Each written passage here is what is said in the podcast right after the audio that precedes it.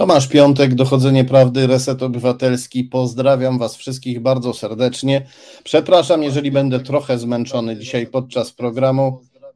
Niestety tak się e, składa, że e, piszę, znaczy niestety, może i na szczęście też, ale e, tak się składa, że równocześnie piszę książkę i to zajmuje mi trochę czasu i trochę ze mnie energii wypruwa. Tym bardziej Wam dziękuję za Waszą energię, którą czuję, za to, że jesteście, za to, że nas wspieracie, tak jak Aleksandra Kudrymska, która jest naszą dzisiejszą producentką wykonawczą, czyli sponsorką obywatelską Resetu Obywatelskiego.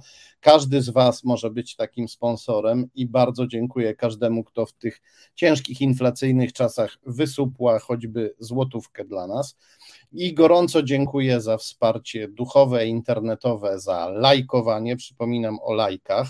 Dzięki lajkom więcej osób zobaczy te transmisje. Przypominam o łapkach.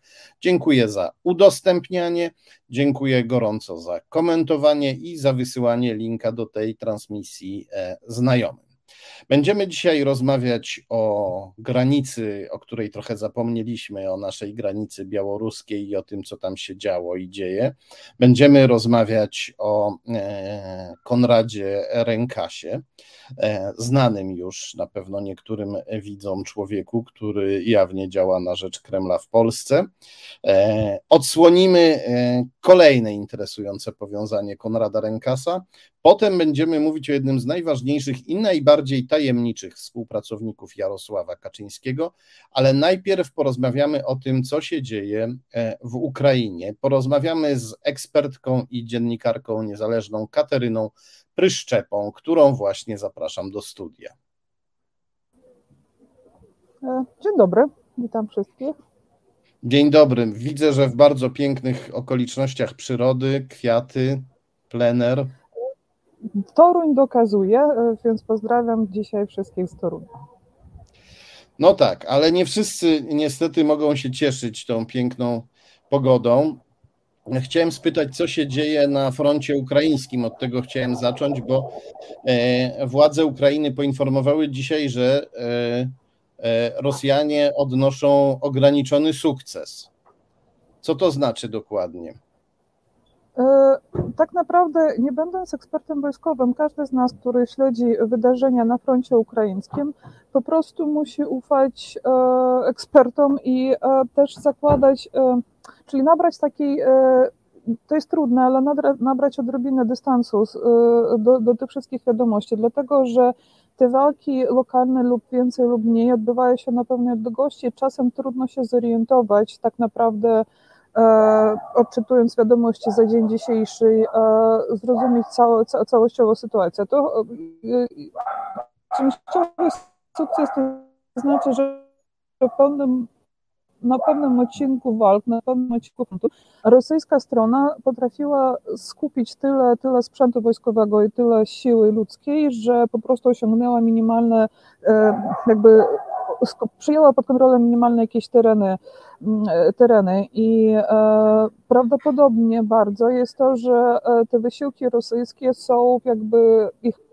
powodem głównym jest święto niepodległości Ukrainy, którą, którą będą, będziemy obchodzić za, za kilka dni, już bardzo niedługo, czyli pojutrze tak naprawdę. I e, znając Putina, chyba wszyscy pamiętamy, że e, zepsuć jakiś taki ważny dzień nie tylko dla Ukrainy, a na przykład w przypadku Polski jakieś takie najbardziej złośliwe rzeczy, które strona rosyjska planuje, dość często są e, jakby ich kalendarz tych wydarzeń zawsze jest poświęcony, jakby jest przywiązany do ważnych dat e, tego państwa, z którym teraz się sprzymierza Rosja, więc e, warto byłoby się spodziewać, że z okazji Dnia Niepodległości będą jakieś bardzo skupione i bardzo zdeterminowane działania po stronie rosyjskiej, żeby po prostu e, zepsuć święto, wprost mówiąc. No tutaj e, widać coś, co wygląda na zapowiedź jakichś bardzo groźnych działań. Mam na myśli e, zamordowanie Darii Duginy, córki słynnego e, kremlowskiego ideologa Aleksandra Dugina, który twierdzi, że Ukraina powinna należeć do Rosji, że dla Polski nie ma miejsca na rosyjskiej mapie Eurazji że Rosja powinna swoje, swoją władzę rozciągać od Władywostoku po Lizbonę. O ile wiadomo, do samochodu, który wybuchł, miał wsiąść Dugin, ale w ostatniej chwili coś go odciągnęło. W samochodzie była jego córka. Ona, ona zginęła. Pojawiają się jakieś fantastyczne informacje o tym, jakoby e, Darię Duginę zabiła jakaś nieistniejąca rosyjska republikańska, e, Narodowa Republikańska Armia Rosji, czyli niby to mieliby być terroryści, wrogowie Putina. Dzisiaj jednak e, i Dugin, i rosyjskie władze mówią, że to Służba Bezpieczeństwa Ukrainy zabiła Duginą. Nie wiadomo po co miałaby to zrobić. I no, my, ma, my znamy w historii Polski takie były prowokacje podobne. E, w 1957 roku e, komunistyczne służby specjalne zamordowały syna e, polityka takiego katolicko-faszystowskiego Bolesława Piaseckiego, który gorąco popierał komunizm i gorąco popierał związki z Kremlem. No, zamordowano mu syna po to, żeby zrobić z niego e, męczennika i po to, żeby pokazać, że wrogowie Kremla to bardzo źli ludzie. Chciałem Cię spytać, jak Ty oceniasz to wydarzenie? Czy sądzisz, że miał zginąć również Dugin, czy Dugina jednak ostrzeżono, czy on jest takim psychopatą, że wydałby swoją córkę na śmierć dla, dla swojej kariery i dla kremlowskiej władzy? Chciałem Cię tu e, poprosić o ocenę tej sytuacji. Jeżeli chodzi o, o Dugina, to muszę polegać na opinii o nim Walerii Nowodworskiej. To jest coś, co ona powiedziała już kilkanaście lat temu, już, już świętej pamięci Waleria Nowodworska. Ona powiedziała, że Dugin, Aleksander Dugin w pewnym momencie stwierdził, że stać się zawodowym faszystą to się opłaca z powodu po prostu, że to jest po prostu dobrze płatny zawód, tak? Dobrze płatny zawód, w związku z tym zrobił się zawodowym faszystą. E, I w Rosji to się opłaca. I e, w opinii Walerii Nowodworskiej Dukin w żadnym momencie nigdy nie wierzył w to, co głosił, po prostu stwierdził, że to będzie taki jego życiowa ścieżka kariery. E, jeżeli chodzi o sposób, którym zginęła, w który zginęła Daria Dugina, warto, nie trzeba daleko sięgać kilkadziesiąt lat temu, warto przypomnieć sobie, że kilka bardzo ważnych mordów politycznych dokonanych w Ukrainie, nie tylko w Rosji, e, od, od Majdanu, od początku rosyjskiej inwazji na Ukrainie, których mamy bardzo poważne mm, powody podejrzewać, że to były służby rosyjskie specjalne, właśnie były dokonane z użyciem ładunków wybuchowych. E, chodzi na przykład o zabójstwo białorusko-rosyjskiego dziennikarza Pawła Szeremeta w Kijowie kilka lat temu. Chodzi o zabójstwo kilku, e, kilku jakby ataków, które niestety kończyły się śmiercią oficerów e, służb specjalnych ukraińskich, na przykład e, był taki pułkownik Walerii Harabejusz, czyli e, było kilka zamachów na osoby, które Rosję interesowały z różnych powodów, z tego powodu, jaki zawód pełniły, albo z tego, że to były prominentne osoby społecznie i w każdym przypadku te osoby zginęły w wyniku wybuchu, wybuchu ładunku wybuchowego zamontowanego pod samochód. Więc nawet ten sposób, który Daria Dugina zginęła, jakby bardziej sugeruje służby rosyjskie specjalne jako, jako, jako organizacja, która ten zamach dokonała.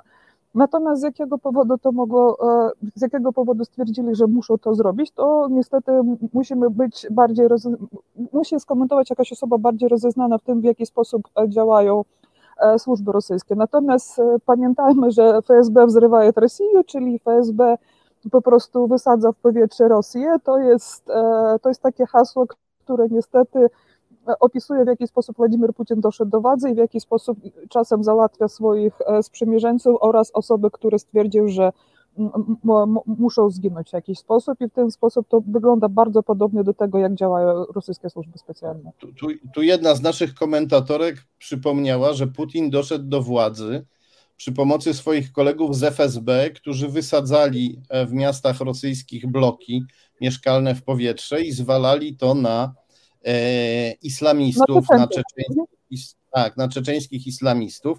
No bo jak wiadomo, e, w słowiańskim kraju bardzo e, łatwo można przejąć władzę, strasząc ludzi e, muzułmanami. To samo zrobił w Polsce Jarosław Jarosław Kaczyński, on, tu on oczywiście bomb nie podkładał, on używał tylko propagandy, bo jeszcze nie jesteśmy na tym, na tym etapie.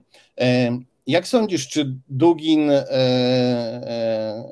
w tej chwili wie, co się stało? No jest człowiekiem inteligentnym, więc nawet jeśli go nie ostrzeżono i nie wydał własnej córki na, na rzeź, no to chyba y, rozumie, do czego doszło.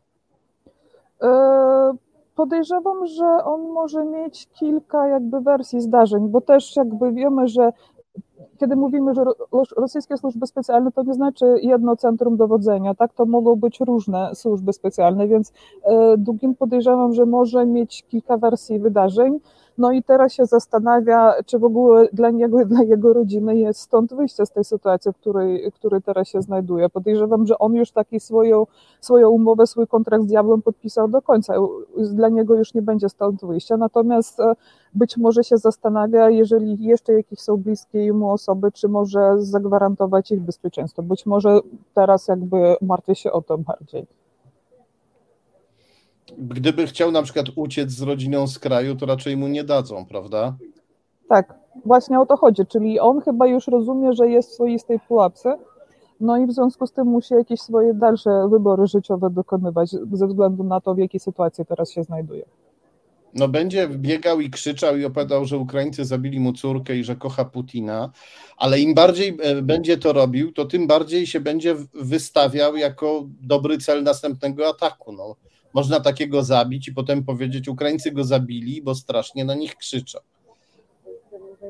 No, z punktu widzenia propagandy telewizyjnej na, skierowanej do takich szerszych kół odbiorców Rosji, być może to jest wygodny jakby cel. Natomiast pytanie, kto właśnie byłby celem takiej, takiej propagandy? E, społeczność rosyjska, która tak naprawdę nie potrzebuje prawdziwych mordów, żeby przekonać ich, że Ukraińcy to są faszyści, naziści i należy, nie wiem, zniszczyć, zmiażdżyć całą Ukrainę. Więc to bardziej chodziłoby, jeżeli mówimy o wersjach tego, co mogło się wydarzyć w Rosji, to być może już doszło do tej sytuacji, którą prognozowano wcześniej, że te różne mm, kręgi e, ludzi w Moskwie związanych z Kremlem czy związanych z obecną elitą polityczną zaczynają już się po prostu wal zaczynają walczyć pomiędzy sobą o te kurczące się zasoby, kurczące się e, resursy w Rosji. Być może to chodzi o to i a zasoby niektórzy... pieniężne, jak rozumiem. Między innymi tak, tak. I e, możliwość jakby wpływu na to, jak ta sytuacja się potoczy. Jakby jedno z, z takich e, wersji wydarzeń, które słyszałam i które wydaje mi się, że ma coś, do, jakieś racje o sobie. Chodzi o to, że być może jakaś część tych rosyjskich służb specjalnych zastanawia się, czy nie warto jakoś już zwinąć tę wojnę i takich najbardziej propagandystów, najbardziej związanych właśnie, którzy się zrobili takimi, jak to się e, nazywa, twarzami tej wojny, twarzami tej propagandy, jakby albo wyciszyć i przekonać ich, żeby już wyciszyli swoją propagandę, albo w ogóle zlikwidować, żeby przejść do następnego, do, nas, do następnego etapu właśnie wyciszenia i normalizacji w jakikolwiek sposób relacji z Zachodem. To znaczy, że nie będzie powrotu do tego, co było przed 24 lutym, ale jak, jakąś formułę współistnienia Rosji z resztą świata, to jednak trzeba będzie odnaleźć, więc być może zastanawiają się, jak, w jaki sposób to ugrać teraz. Być może Rosjach, ros, rosyjskie elity teraz zamierzają stworzyć jakoś odpowiedniki ramy w Rosji albo jakiś inny sposób, więc Iran z jednej strony przybywa pod sankcjami, z drugiej strony uczestniczy w jakiś sposób w wymianie handlowej, międzynarodowej, ograniczony, ale jednak, czyli jest w jakiś sposób łączony w światowy system, więc być może zastanawiają się, w jaki sposób ta formuła jakby relacji Rosji ze światem będzie wyglądała za pół roku, rok i pracują w tym kierunku. No tak, ale z drugiej strony y, ten zamach to jest prezent dla frakcji prowojennej na Kremlu, dla wszystkich, którzy chcą eskalacji. Ktoś tutaj pyta, czy nie można by tego wykorzystać jako. Y, y, jeden z naszych komentatorów pyta, czy nie można by tego wykorzystać jako pretekstu do ogłoszenia powszechnej mobilizacji w Rosji. E, wydaje mi się, że jeżeli by Rosji chcieli e, ogłosić powszechną mobilizację, to nie potrzebowaliby takich pretekstów, bo e, ważniejsze, na przykład po ataku na krejser Moskwa, po wybuchach na Krymie, to jednak dotknęło większą liczbę osób niż zabójstwo jakiegoś jednego członka rodziny, jednego propagandysty rosyjskiego. Wybuchy na przykład pod e, Feodosją widziały setki tysięcy ludzi i jeżeli ktokolwiek chciałby nakłonić Rosjan do tego, żeby masowo zapisywali się do wojska, to warto byłoby bardziej kręcić w telewizji non-stop te różne nagrania, że patrzcie, co ta, co ta podstępna Ukraina nam robi, nasz pokojowy Krym, który kwitnął pod, pod władzami Rosji i teraz przyszła do niego wojna, bo ci podstępni Ukraińcy nam to urządzili, tak? Coś w tym stylu. Więc no to podstępni Ukraińcy chcą Rosji zabrać Krym. Tak, właśnie o to chodzi, to trzeba bronić ojczyzny, to właśnie coś w tym stylu, tak? Brzydko mówiąc. Więc e, śmierć jednej i propagandystkie tu ma mniej, mniejszy potencjal, tak, jeżeli chodzi o nakręcanie histerii.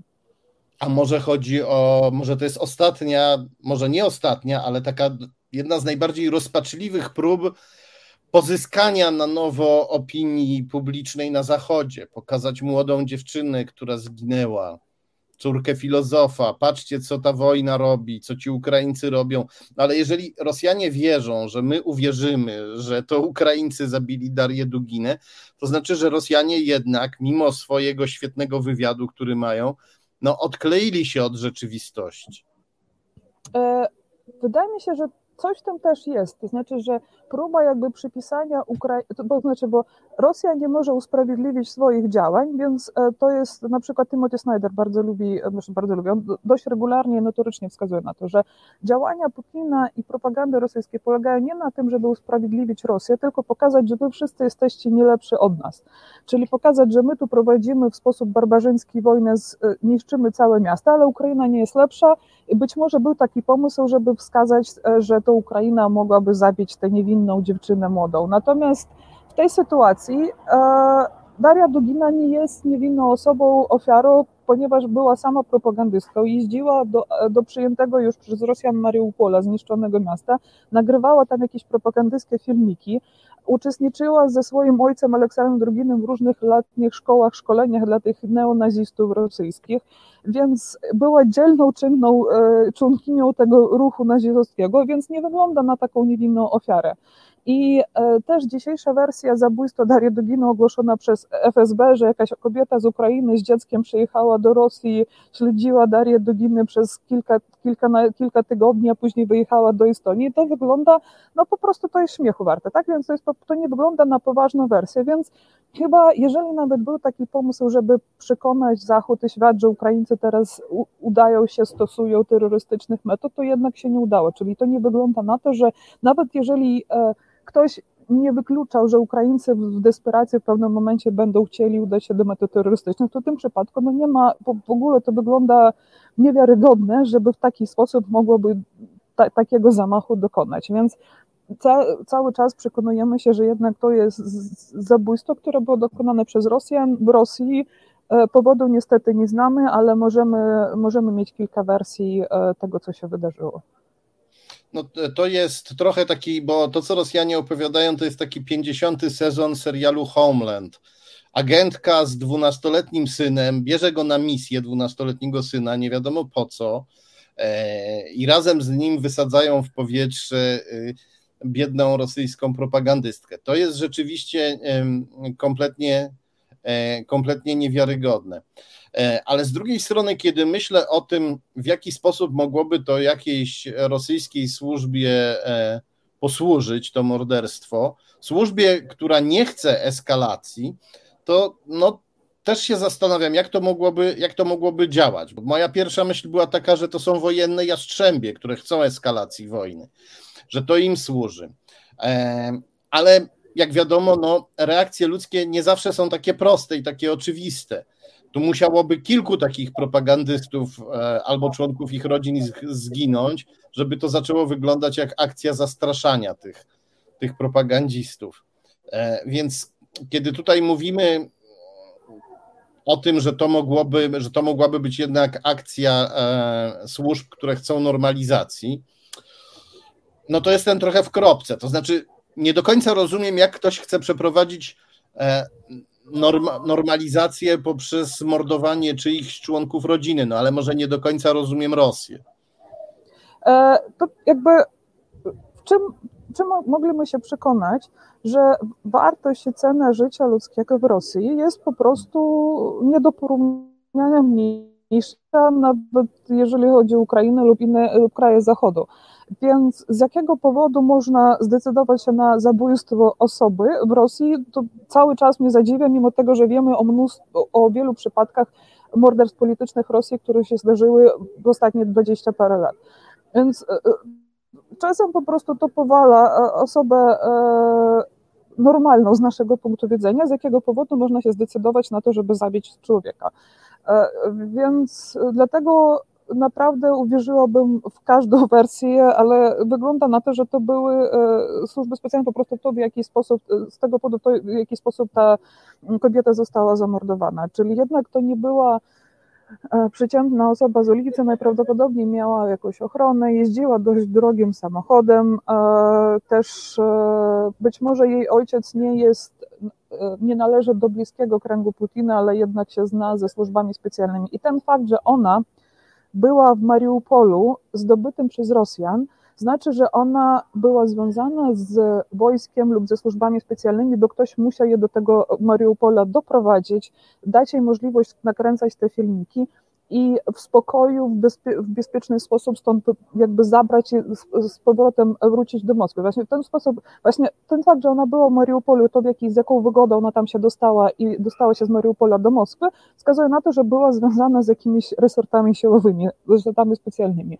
Więc no, nie mogła taka osoba zostać zabita w taki bardzo prosty sposób, czyli to jednak wymagało jakiegoś wysiłku, bym powiedziała tak. No, o Duginie się mówi, że on jest y, związany z GRU. Ja nigdy nie znalazłem jakichś twardych dowodów na to, tak się po prostu mówi.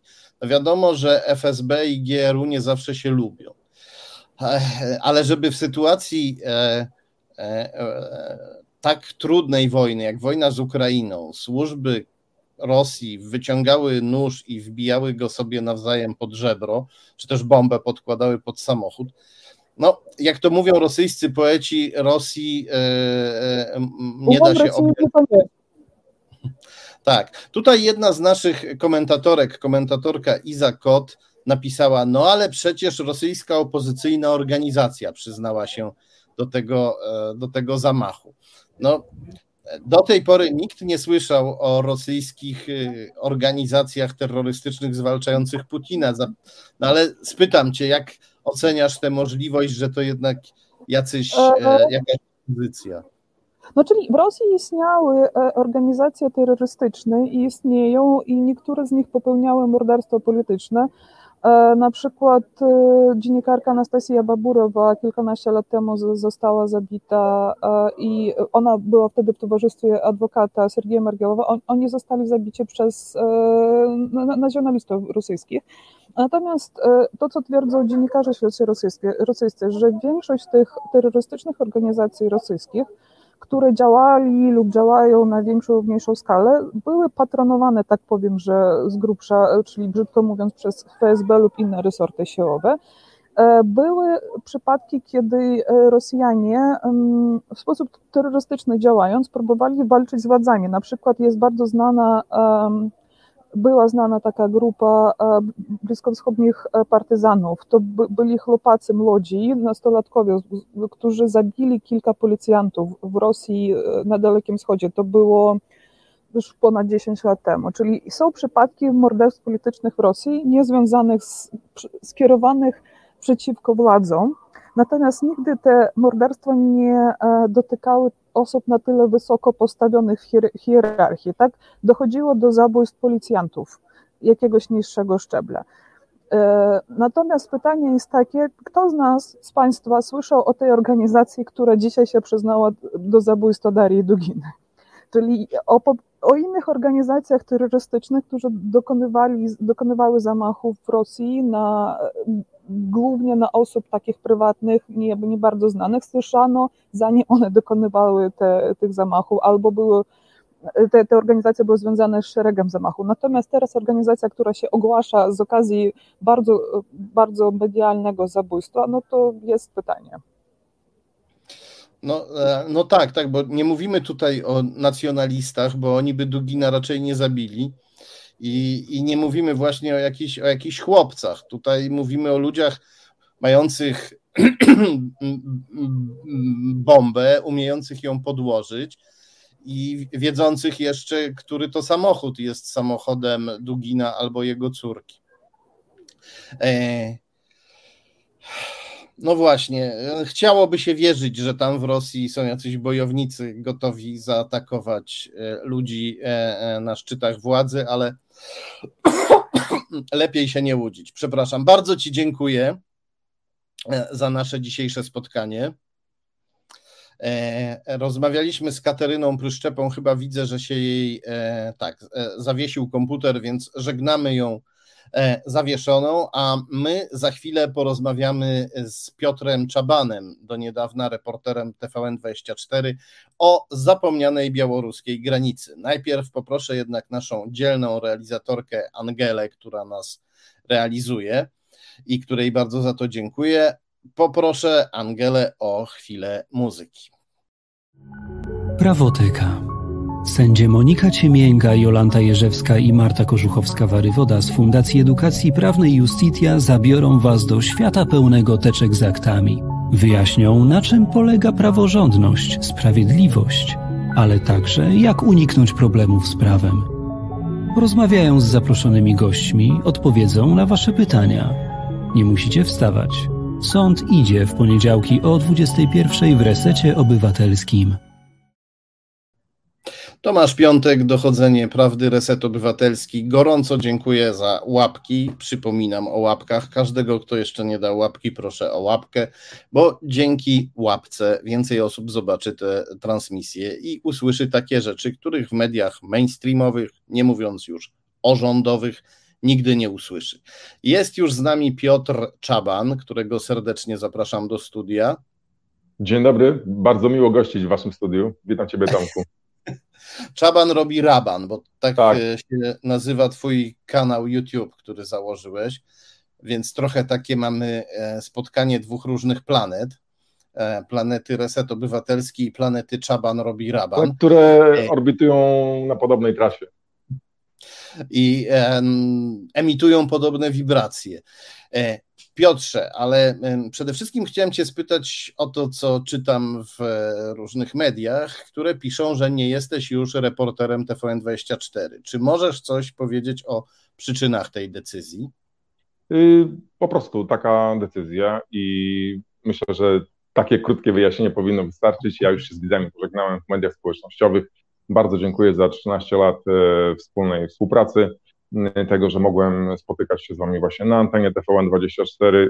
No a teraz media społecznościowe, YouTube, Czaban robi raban, tamku i mam nadzieję, że tutaj postawimy kropkę i zajmiemy się białoruską granicą, bo tutaj cały czas się dzieje. No właśnie, dzieje się, dzieje się, a e, w TVN24, ale także w innych mediach jakoś nie słychać o tym, co tam się dzieje. Mm, przeżywaliśmy napaść na Ukrainę, potem inflację, teraz przeżywamy martwą odrę. Trudno trochę winić ludzi, że w tym natłoku mediów się gubią. Raczej winiłbym media, że to dobrze, że informują o strasznych rzeczach, które się dzieją w Ukrainie i o takich też nie za fajnych rzeczach, które dzieją się w Odrze, ale no nie można tracić e, e, jednej rzeczy zupełnie z oczu, tylko dlatego, że pojawiła się inna. Co się e, dzieje na granicy polsko-białoruskiej w tej chwili? Cały czas ten kryzys humanitarny trwa. Teraz obchodzimy jak gdyby rocznicę Usnarza, bo 17 sierpnia Mirek Miniszewski, pisarz, filozof mieszkający w Charkawiczach, dwa kilometry od Usnarza Górnego, na swojej stronie facebookowej poinformował o tym, że właśnie y, na granicy w Usnarzu koczuje grupa ludzi, wokół są strażnicy graniczni.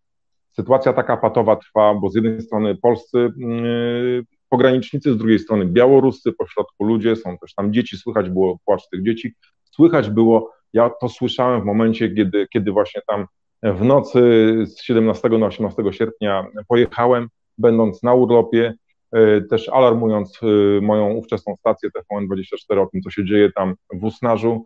E, otrzymałem operatorów, wóz satelitarny się pojawił i z rana 18 sierpnia nadaliśmy pierwsze relacje na żywo z tego miejsca i tutaj też na swoim kanale robiłem takie podsumowanie, wspominałem jak to wygląda, wspominałem o tym, że kilku dziennikarzy było tam trochę wcześniej, kilka dni wcześniej. E, pojawiały się gdzieś jakieś zdjęcia, ale one nie były do końca publikowane. Były gdzieś z tego, co usłyszałem, sprzedawane do jakichś agencji fotograficznych. Ci, którzy znali to miejsce, nie chcieli przekazać tej informacji innym dziennikarzom, bo mają swoją taką, że tak powiem, miejscówkę, w której zrobią zdjęcia, e, powiedzą, ej, słuchajcie, tutaj na granicy się coś dzieje, ale nic z tym więcej jak gdyby nie robili. No, ja byłem w szoku, bo mi zależało na tym, by świat usłyszał, co się dzieje, bo kryzys humanitarny na granicy polsko-białoruskiej zaczął się kilka miesięcy wcześniej.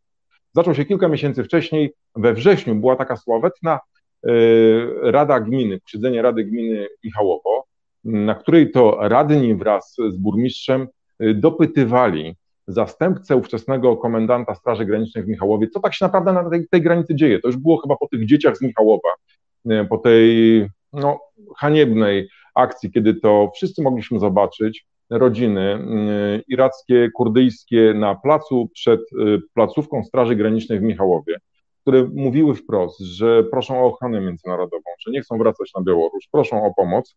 No a y, ostatecznie te wszystkie rodziny zostały wraz z dziećmi wywiezione, czyli pushbackowane na Białoruś. Jak to wygląda praktyce? czyli przepchnięte z no Właśnie, no właśnie, bo tutaj w rozporządzeniu MSWiA, na które cały czas powołuje się Straż Graniczna, mówiąc o tym, że my tylko odstawiamy do linii granicy y, cudzoziemców. Co to oznacza? No, ja często dopytywałem y, rzeczniczki Straży Granicznej Podlaską i panią z Warszawy, która no, jest z jednej strony też gwiazdą mediów, bo, bo, jej twarz jest znana w kontekście tej granicy, w kontekście tłumaczenia narracji nie tylko Straży Granicznej, ale rządowej, tak, to ona była tą twarzą.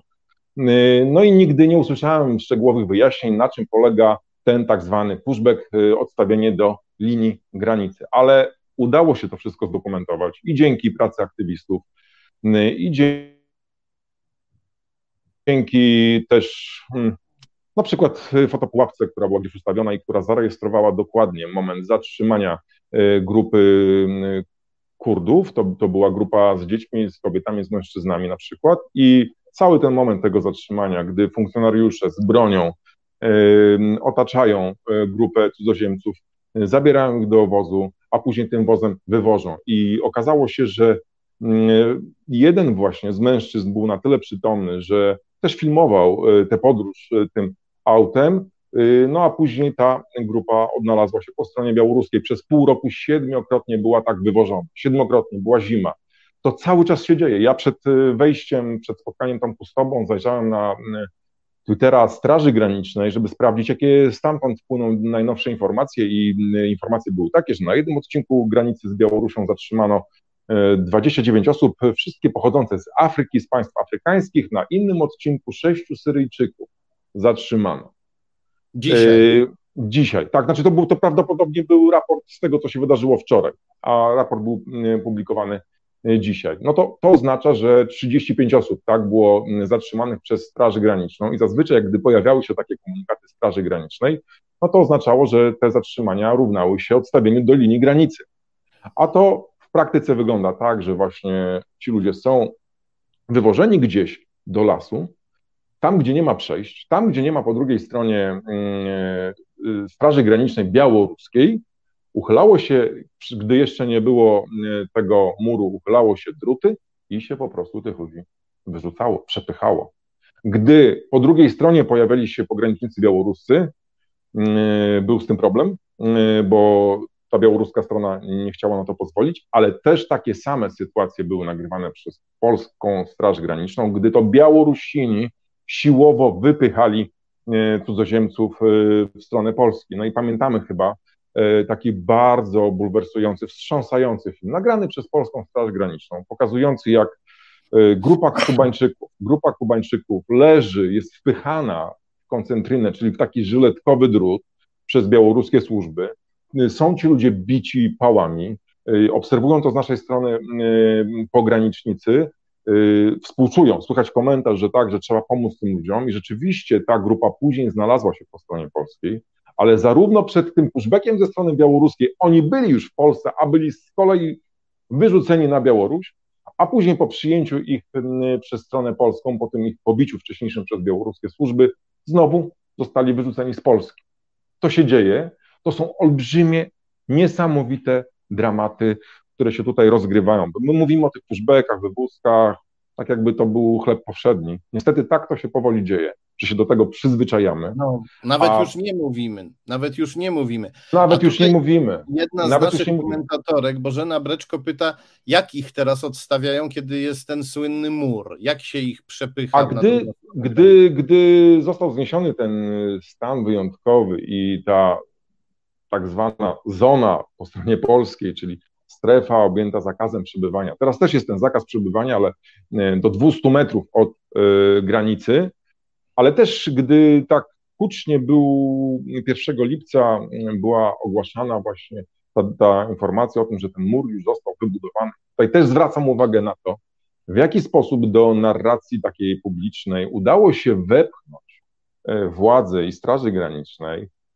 słowo bariera, zapora, co się tak kojarzy bardziej pozytywnie, no bo my bronimy nasze państwo, a tak naprawdę to jest mur, to jest płot. Y, I to zostało, że tak powiem, wyrugowane z tego y, y, opowiadania o granicy kosztem tej zapory nie zapominajmy, że to jest zwykły płot, zwykły mur. I w tym murze widać było w niektórych miejscach tajemnicze okienka, tajemnicze zawiasy, które, jak spodziewamy się, bo nie ma możliwości być obecnym przy tych pushbackach, że tak prawdopodobnie to służy do tego właśnie, są specjalne takie wejścia, wyjścia, które mają służyć wypychaniu ludzi. Ale granicę. z drugiej strony Białorusini mogą ich użyć, żeby wpychać ludzi na naszą stronę. A tak, a Białorusinom też fantazji nie brakuje. Y, użyczają szpadli, robią podkopy, dają drabiny, ludzie przechodzą jak przechodzili. W trakcie budowy tego muru y, znam relacje osób, które y, przy tym były. Y, białoruskie służby próbowały sabotować te prace, niszczyły te koparki pozostawiane w nocy po, po pracy przy granicy. Często przedsiębiorcy musieli po prostu na lawetach wywozić je z tego placu budowy i następnego dnia przywozić, bo za każdym razem musieli reperować. To, to, to, tak to wyglądało. A z drugiej strony też mam takie zdjęcie, którego nie opublikowałem ze względu na bezpieczeństwo osoby, która te zdjęcie zrobiła, pokazujące mm, polską ciężarówkę wojskową rozbitą w drobny mak o ten mur. Ciężarówka rozbita, obok wóz Straży Granicznej, yy, wojsko, nasze służby. Dlaczego, w jaki sposób kierowca polskiej wojskowej ciężarówki wjechał w ten mur? Możemy się domyślać, że być może gdzieś alkohol był yy, spożywany ale y, nasze władze nie chwaliły się tego y, typu y, wydarzeniami na granicy. Nie wszystko było różowo-kolorowo. Wiem, że ten alkohol niestety lał się strumieniami. Sam niedawno, już po zniesieniu strefy stanu wyjątkowego, byłem w Czeremsze. Byłem na festiwalu folkowym, gdzie pojawiały się zespoły z całego świata folklorystyczne no i też tam było mnóstwo wojska, mnóstwo wojska, mnóstwo służb i gdy byłem w miejscowym sklepie, no to mm, przede mną była pani w mundurze wojskowym. Widać, że y, po spożyciu ładowała do plecaka alkohol, nawet nie wiedziała, która jest w kolejce i tak to wyglądało. Panie ze sklepu mówiły, że w trakcie trwania tej strefy tego typu zakupów ze strony wojskowych było znacznie więcej. Też jedna y, z pań kasjerek powiedziała, że dochodziło do tego, że nawet ktoś gdzieś tam sobie strzelał na wiwat po yy, spożyciu. O tym słyszałem od mieszkańców. Oczywiście to jest na tyle utrudnione do zweryfikowania to wszystko, yy, no, że, że była ta strefa. Po coś ta strefa była, żebyśmy my, dziennikarze, nie mieli prawa tam wjechać, zobaczyć i pokazać yy, społeczeństwu, co tam się dzieje. No i też, żeby organizacje humanitarne również tego nie mogły zrobić. A ten mur, ja mówiłem o podkopach, o tym przerzucaniu mm, drabin, y, ludziom się udaje przekroczyć te granice, y, ale często jest to kupione złamaniami. W szpitalu w Hajnówce były takie osoby, y, które właśnie miały złamane kończyny I to właśnie no, w taki sposób jest też tym utrudnieniem. Są też obszary, gdzie nie dało się postawić tego muru.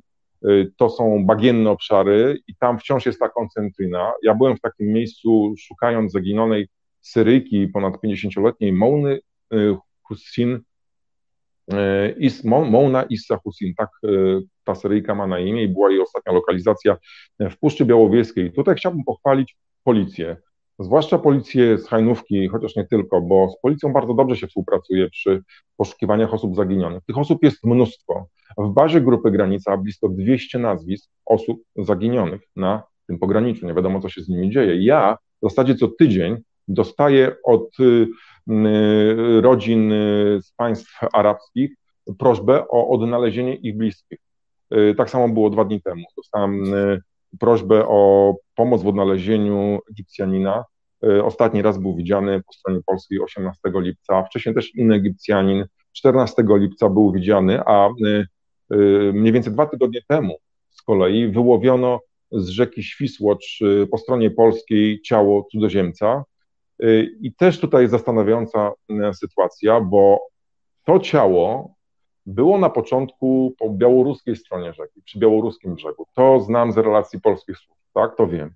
Czyli polskie służby przez jakiś czas obserwowały, co się dzieje z tym ciałem, no ale nurt rzeki Prąd zniósł to ciało na stronę polską, wtedy mm, było już zgłoszenie do policji w Sokółce i policja pojechała, ciało zostało wydobyte, no i tutaj będzie trwała żmudna mm, procedura ustalania tożsamości. Ja z policjantem, który prowadzi tę sprawę, spotkałem się, bo już w kilku przypadkach udało się e, ustalić tożsamość osób, czy to zmarłych, e, czy udało się ustalić miejsce pobytu osób e, zaginionych. I do tego wszystkiego no, niezbędne są takie detale jak zdjęcia pokazujące charakterystyczne rzeczy znalezione przez zmarłym. Tutaj przy tym zmarłym wyłowionym ze świstłoczy był telefon, telefon z charakterystyczną obudową, bo w obudowę, w tylną klapkę e, telefonu było e, gdyby, nie wiem, wprasowane zdjęcie młodego mężczyzny. Nie wiem, czy to było zdjęcie mm, e,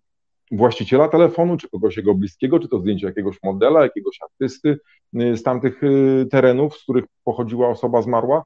Mm, ale tutaj cały czas apeluję do prokuratury prowadzącej to postępowanie o publikację tego typu zdjęć, bo dzięki temu szybko, naprawdę szybko można ustalić tożsamość tej osoby. Moje media społecznościowe są obserwowane też przez y, czytelników y, z państw arabskich i właśnie w taki sposób udało się ustalić tożsamość y, zmarłego Yassina Satara Jabra, którego szczątki zostały odnalezione bodajże, jeżeli się nie mylę, w marcu tego roku, już w stanie znacznego rozkładu, naruszone przez zwierzęta nie można było rozpoznać w, w żaden sposób y, twarzy tego człowieka, ale wiedziałem tutaj od y, pana prokuratora, że y, też znaleziono przy mm, zmarłym telefon komórkowy, a w etui tego telefonu było zdjęcie brodatego mężczyzny. Też wówczas też prosiłem o publikację tego zdjęcia. No niestety mm, nie zostało to zrobione, ale odezwały się do mnie rodziny. Przepraszam, innych... że ci przerwę, ale niesamowita jest nienawiść i pogarda jaką czują nasze władze dla ludzi tylko dlatego, że mówią innym językiem i mają odrobinę ciemniejszy kolor skóry. Często nawet tego, nie, nie mają tego, tego ciemniejszego koloru i skóry. Tego nigdy nie zapomnimy. Nie zapomnimy tego właśnie, że jeżeli ktoś ma ciemniejszą skórę, jest innego wyznania, no to niestety w tej narracji rządowej jest kompletnie zdehumanizowany. Ja tylko przypomnę, że gdy y, mówiłem o przypadku śmiertelnym Ahmeda z Iraku, to był człowiek, który umarł bodajże jako pierwszy na tym pograniczu oficjalnie. O jego śmierci było wiadomo. I gdy skontaktowałem się z jego e, siostrą i matką, i e, kobiety nagrały takie wideo, prosząc Polskę, polskie służby o informacje, co się dzieje z ciałem ich syna. One wiedziały, że on zmarł, ale nie wiedziały, gdzie jest, kiedy wróci, kiedy będzie przetransportowane jego ciało. I w tym takim wzruszającym nagraniu matka płacząc yy, mówiła: Please give me my son back. Roniła łzy. Tak, zamieściłem to, bo to są takie emocje, takie jak każdy z nas miałby na miejscu tych rodzin, które poszukują swoich zmarłych. Nie, bardzo słusznie, bo to jest prawda. I wtedy, no, prawda i wtedy, Janina, I wtedy Janina Lichocka, posłanka Prawa i Sprawiedliwości, ta pani, która pokazywała ten środkowy palec po mm, wygranej debacie. Tak, stwierdziła, że sobie łzy tak, zbierała. Wówczas, kiedy te dwa miliardy złotych poszły na telewizję rządową, to nie jest publiczna telewizja, na telewizję, to jest telewizja rządowa. sieje nienawiść do uchodźców. Tak, i tutaj mówiąc o tym sięgnięciu nienawiści, właśnie Janina Lichocka na swoim Twitterze, podając mojego tweeta, yy, napisała hiena roku ze znakiem zapytania, bojąc się może ewentualnych postępowań sądowych. To zostało yy, skwapliwie podchwycone przez Samuela Pereire. Yy, w polityce też na mój temat pojawił się artykuł mówiący o tym, że jestem pachołkiem ze wschodu. Y, y, być może, jeżeli się nie mylę, jeżeli mnie pamięć nie myli, nie wiem, Łukaszenki, tak, bo każdy, kto pokazywał ludzkie oblicze tego dramatu na pograniczu y, polsko-białoruskim był od razu atakowany. Taki przypadek Agnieszki No i tutaj trzeba przypomnieć, że przez całe lata Morawiecki, Karczewski, Terlecki, Andruszkiewicz jeździli do Łukaszenki, ściskali się z nim, zachwycali się nim.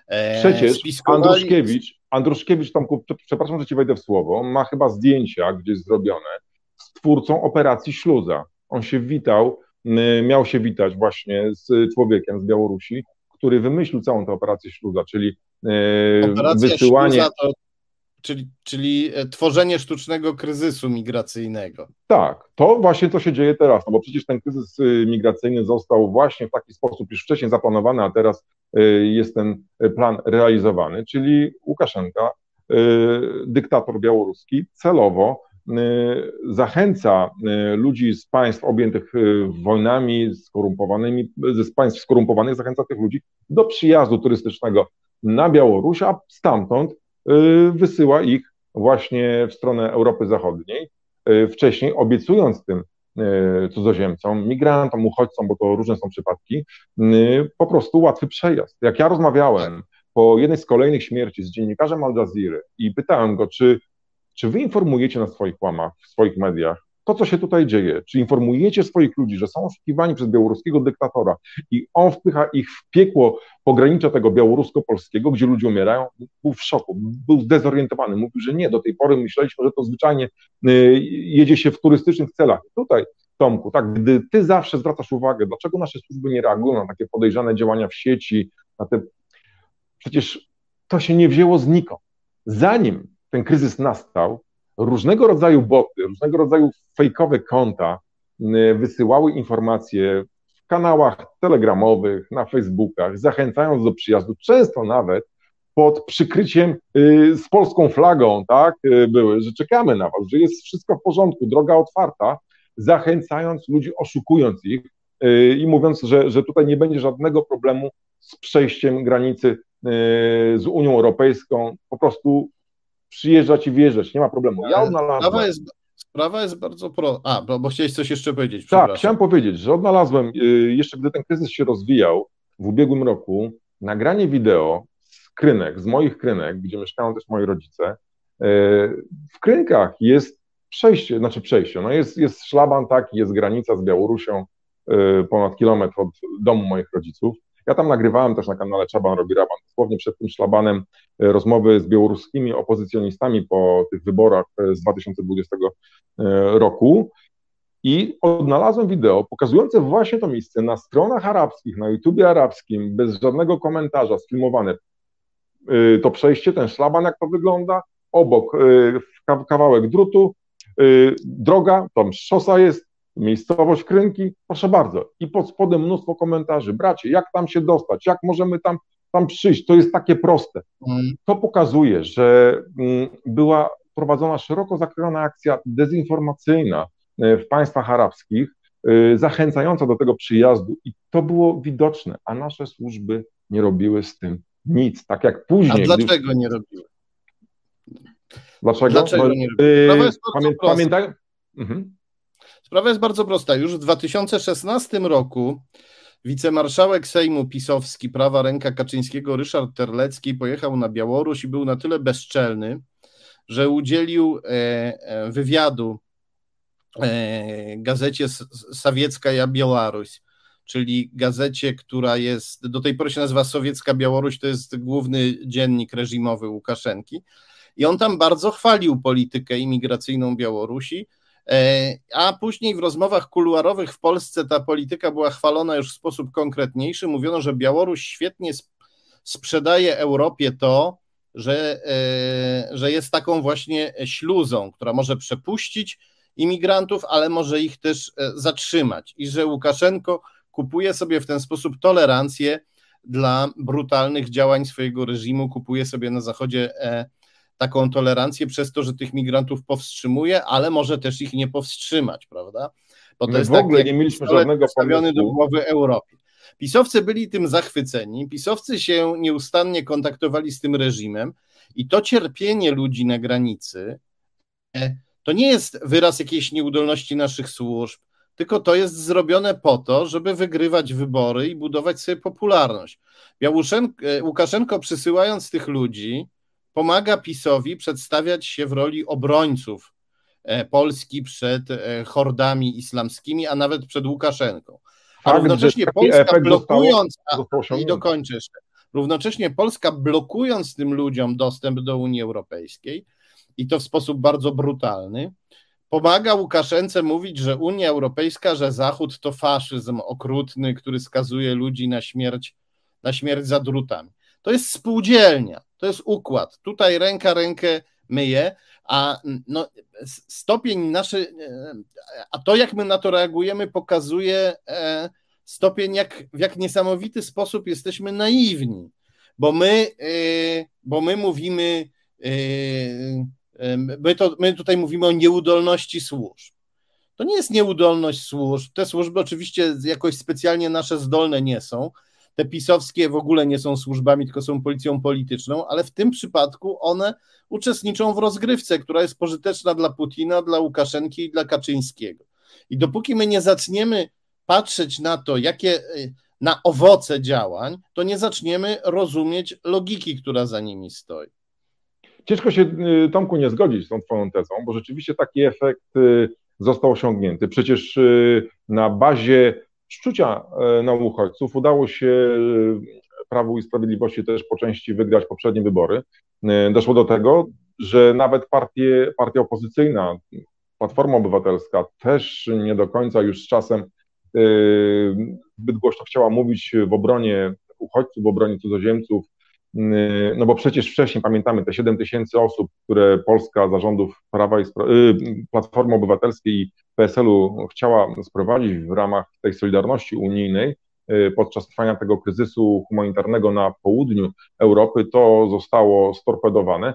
No i nawet tutaj, gdy obserwowałem to, co się działo podczas usnarza, kiedy temat był grzany przez y, wszystkie możliwe media, nie tylko polskie, kiedy temat był gorący, nie było, nie było y, głośnego, jakiegoś takiego głosu silnego, solidarnościowego naszej też, y, nas, naszych partii opozycyjnych y, z mm, tymi, którzy tam koczują, z y, uchodźcami, z migrantami, a to dlatego, jak się domyślam, jak też w rozmowie z Janiną Ochojską słyszałem, no to się politycznie nie opłaca bronienie uchodźców, bo społeczeństwo solidaryzuje się w momencie, kiedy zostanie nakreślony wspólny wróg. I to udało się osiągnąć podczas tych sławetnych zamieszek w Kuźnicy kiedy białoruskie służby, wywołując y, przez długi czas, przygotowując się do wywołania tej agresji, y, też wysyłając między cudzoziemców swoich ludzi, potęgując agresję tych ludzi, obiecując im, że zostaną y, wpuszczeni do Europy, jeżeli tam się pojawią w tej kuźnicy, nie dając mężczyznom jedzenia, karmiąc kobiety i dzieci, torturując tych mężczyzn, mając za sobą też, stawiając te wozy wojskowe i białoruskie służby z bronią, były te zamieszki telewizję całego świata pokazywał. I wówczas polski mm, taki odbiorca tych informacji medialnych y, przestał się solidaryzować z uchodźcami, no bo zobaczył ludzi agresywnych, no my tego nie chcemy.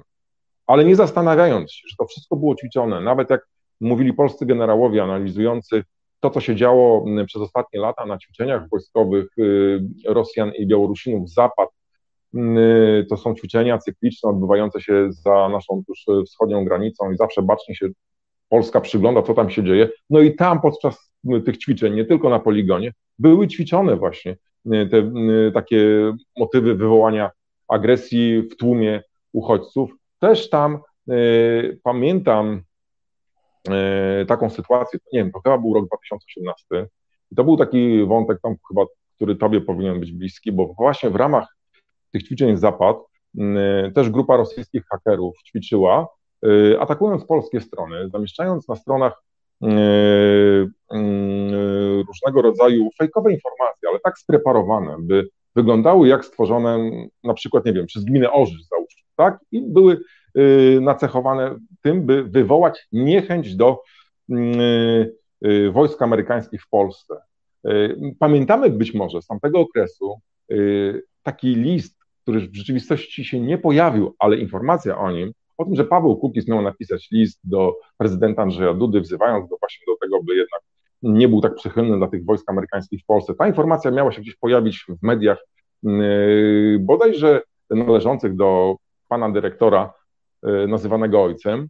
Y, później gdzieś się pojawiła, ale Paweł Kukiz zaprotestował, nic takiego nie było. Miała tą sprawą zająć się prokuratura, cisza chyba o wynikach, a ja o tej sprawie wiem między innymi od człowieka, który zajmował się administrowaniem stron, jego firma w wielu gminach i w tej firmie pojawiła się agencja ABW, ABW właśnie zabezpieczając dowody. I, tak, tak, y, i y, właśnie tam miała pojawić się informacja, że to jest robione w związku z tymi hakerskimi atakami rosyjskimi wykonywanymi w ramach tego ćwiczenia Zapad. No i my to teraz widzimy.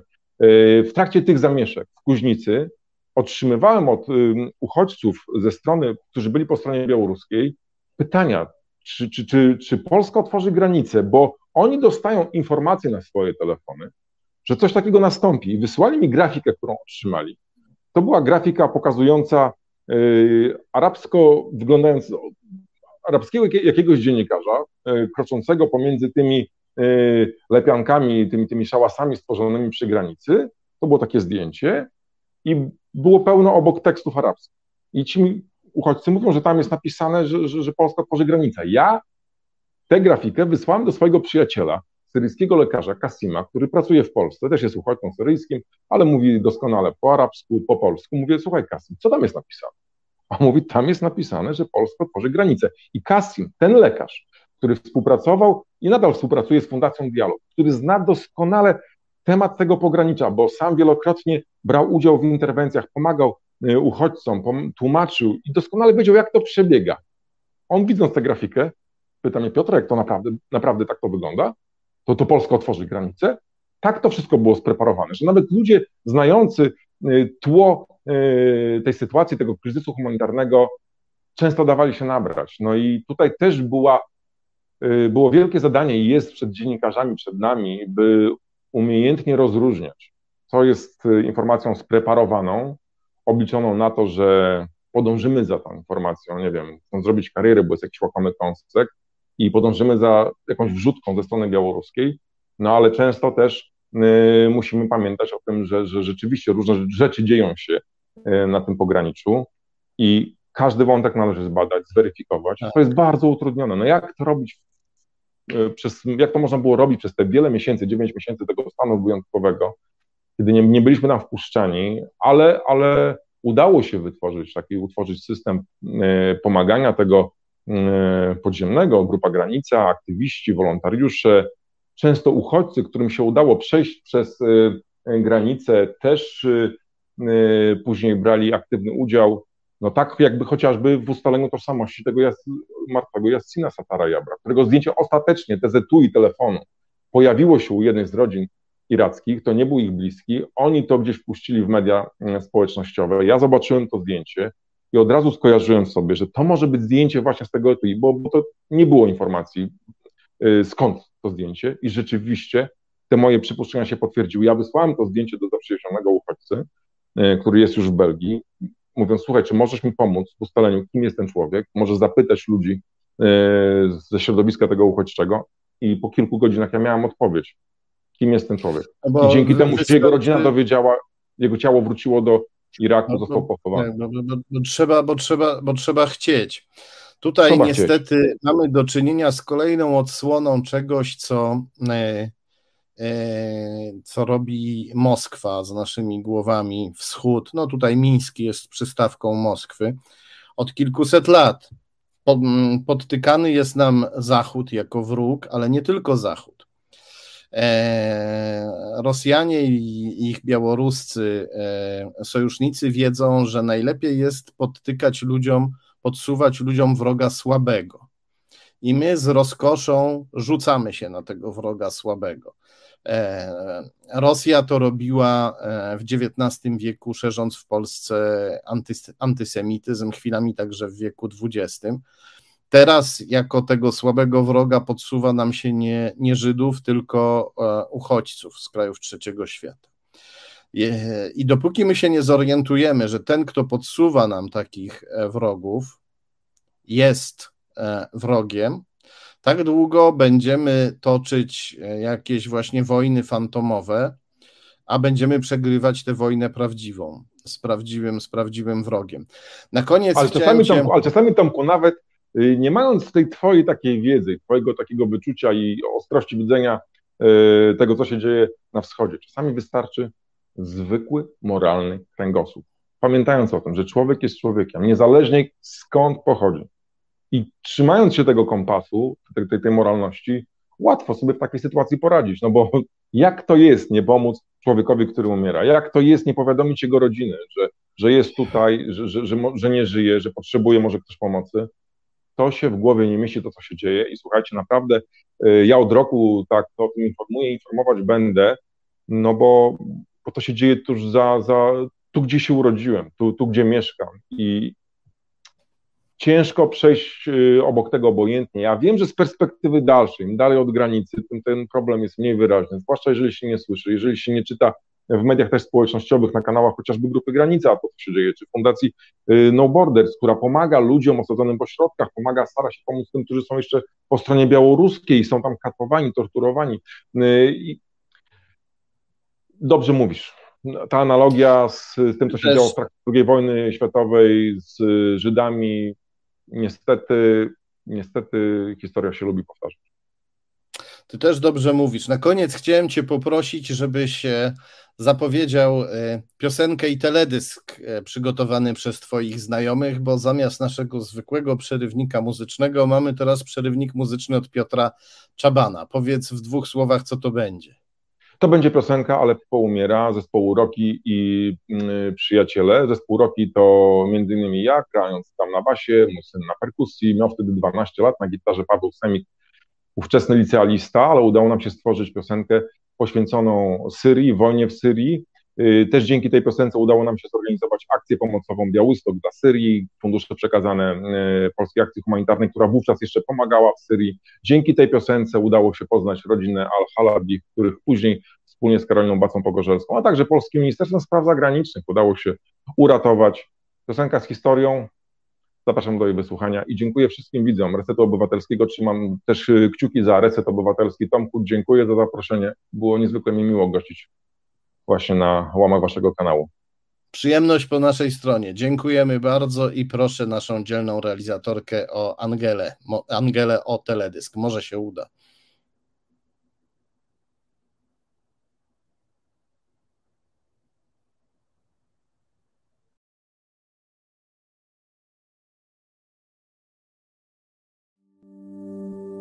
Nieco jaśniej. Aż dziw bierze, że nie mamy nadmiernych kilogramów kory mózgowej od informacji. Bombardują nas sprzeczności. Wszyscy gubimy się w pojęciach, których czasem nie rozumieją specjaliści. Trzeba zwolnić i rzucić więcej światła, aby dotrzeć do istoty interesujących nas problemów. Co piątek o 19 w Resecie Obywatelskim czeka na Was Kornel Wawrzyniak.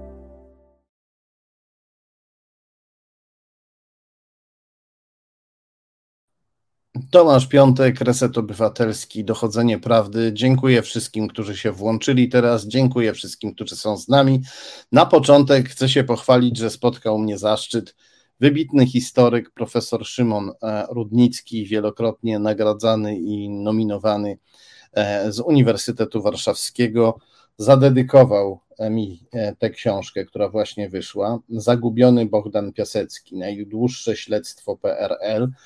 No, książka można powiedzieć o mordzie politycznym z 57 roku, o zamordowaniu syna Bolesława Piaseckiego, no trochę się zaktualizowała poprzez to, że Kreml zamordował teraz Dargię E, Duginę.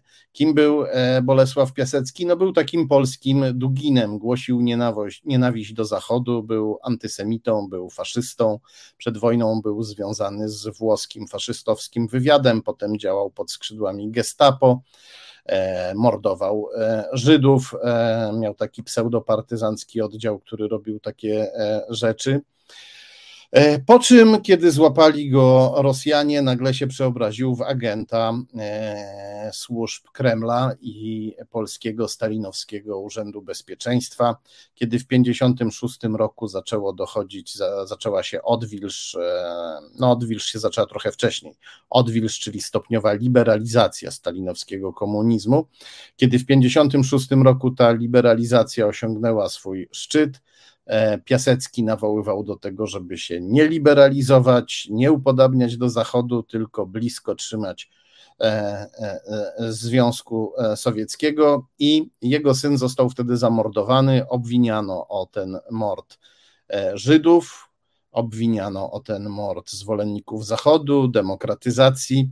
No i profesor Rudnicki przekopał się przez tony dokumentów z jego analizy wynika, że mm, mordu dokonali komuniści po to, żeby odstraszyć nas od e, demokracji i e, być może też po to nawet, żeby wywołać rozruchy i spowodować interwencję e, sowiecką w Polsce, interwencję wojskową. To się na szczęście nie udało. I tutaj pochwalę się, jest bardzo miła dedykacja, którą profesor napisał mi odręcznie napisał, że jest wdzięczny za inspirację, ponieważ to jest dla mnie ogromny zaszczyt. Powiedział mi, że ta książka Macierewicz, jak to się stało, była dla niego, e, dla niego inspiracją. No i dosyć już tego samochwalstwa. Przechodzimy do, e, dziękuję serdecznie profesorowi Rudnickiemu i przechodzimy do Darii Duginy i do Konrada e, Rękasa. Poproszę o skan numer jeden, który przygotowałem na dzisiaj. Coś, chochlik, który nam uniemożliwił pokazanie teledysku Piotra Czabana, jego kolegów, ten chochlik dzisiaj jest chyba bardzo, e, bardzo złośliwy. Każdym razie to, co widzieliśmy, to jest wpis Konrada Rękasa, który zamieścił zdjęcie Darii Duginy w kolorze czarno-białym żałobnym, e, w tonacji żałobnej i napisał wojna trwa, sugerując, że Daria Dugina jest tutaj niewinną, e, niewinną ofiarą, e, ofiarą wojny. Kim jest Konrad Rękas? Na pewno część z Was Konrada Rękasa pamięta, ale przypomnimy. Poproszę o kolejny skan, skan numer dwa.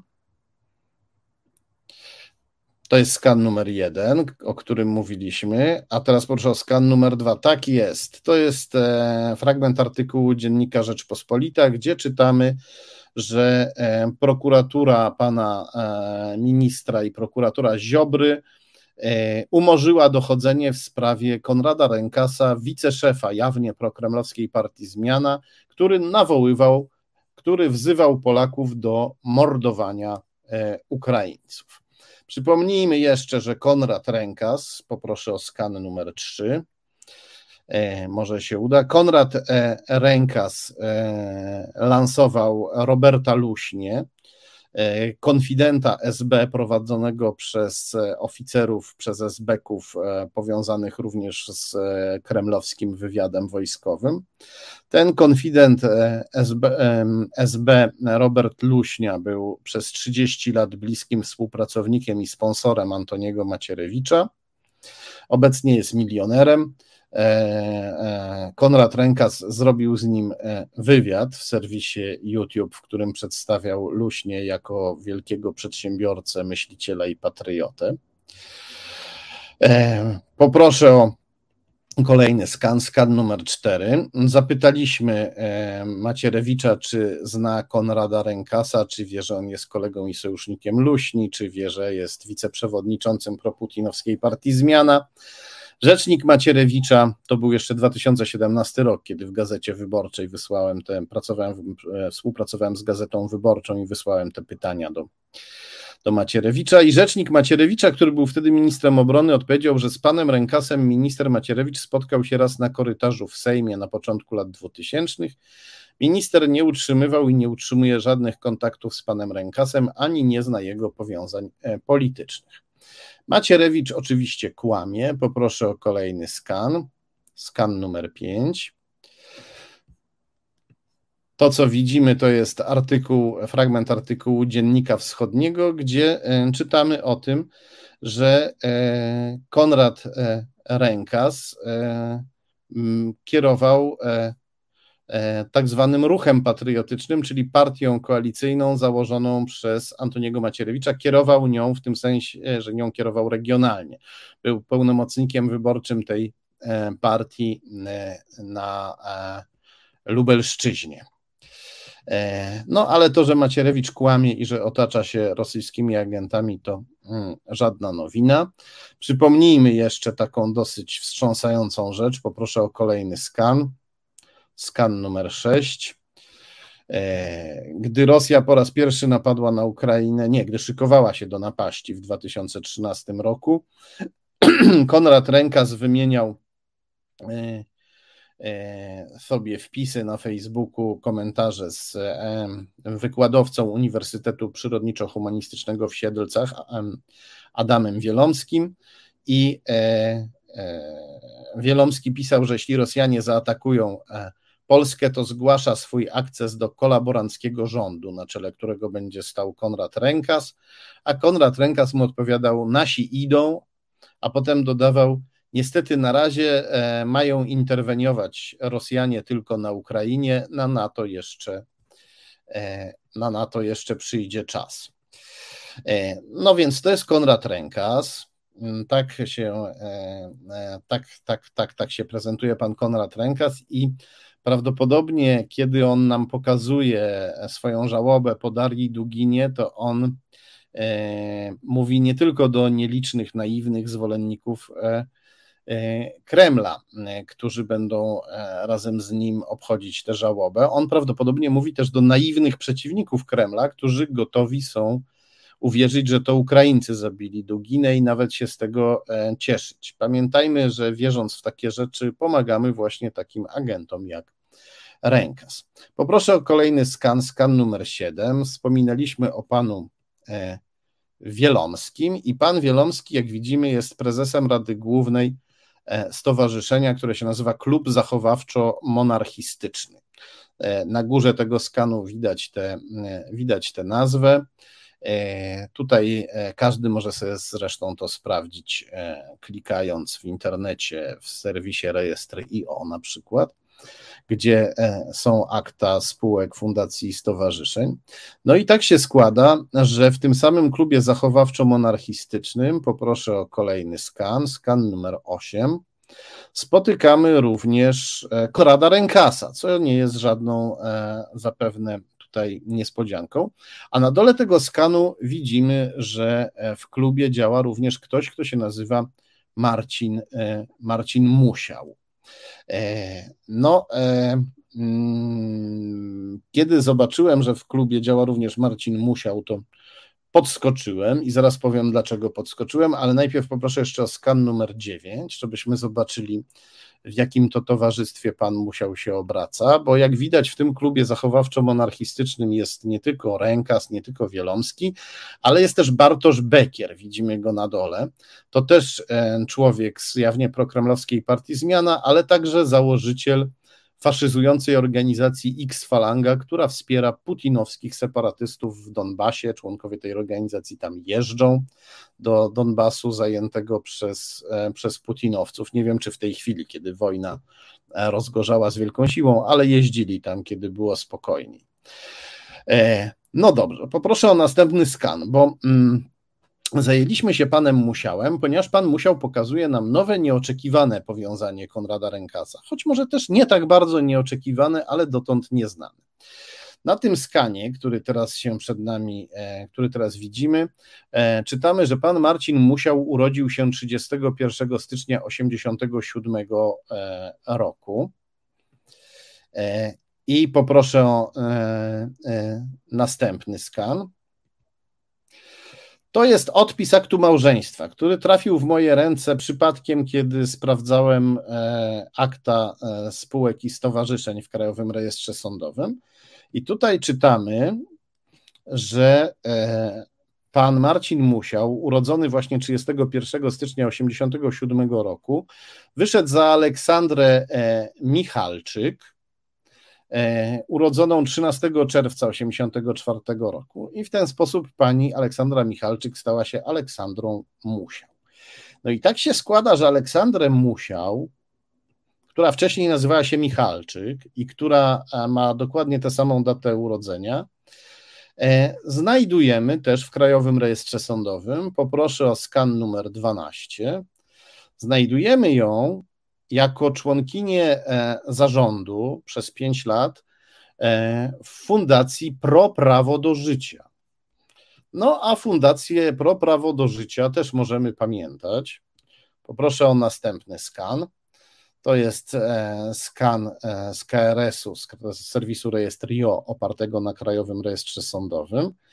I to jest skan, w którym widzimy, że e, pani Musiał w Fundacji Pro Prawo do Życia była razem z Kają Godek. Zaraz nad panią Aleksandrą Musiał jest Kaja Godek. Jest tam też słynny lekarz Bogdan Hazan, który najpierw dokonał ogromnej liczby aborcji, a potem został zwolennikiem zakazu aborcji, kiedy już, e, jak to się mówi, no nie będę mówił, używał wulgarnych określeń, kiedy zarobił sobie porządnie e, na tych, na tych aborcjach, albowiem tak się składa, że Fundacja Pro Prawo do Życia to jest wylęgarnia działaczy antykobiecych, antygejowskich, antyzachodnich i antydemokratycznych. Poproszę o skan numer 14.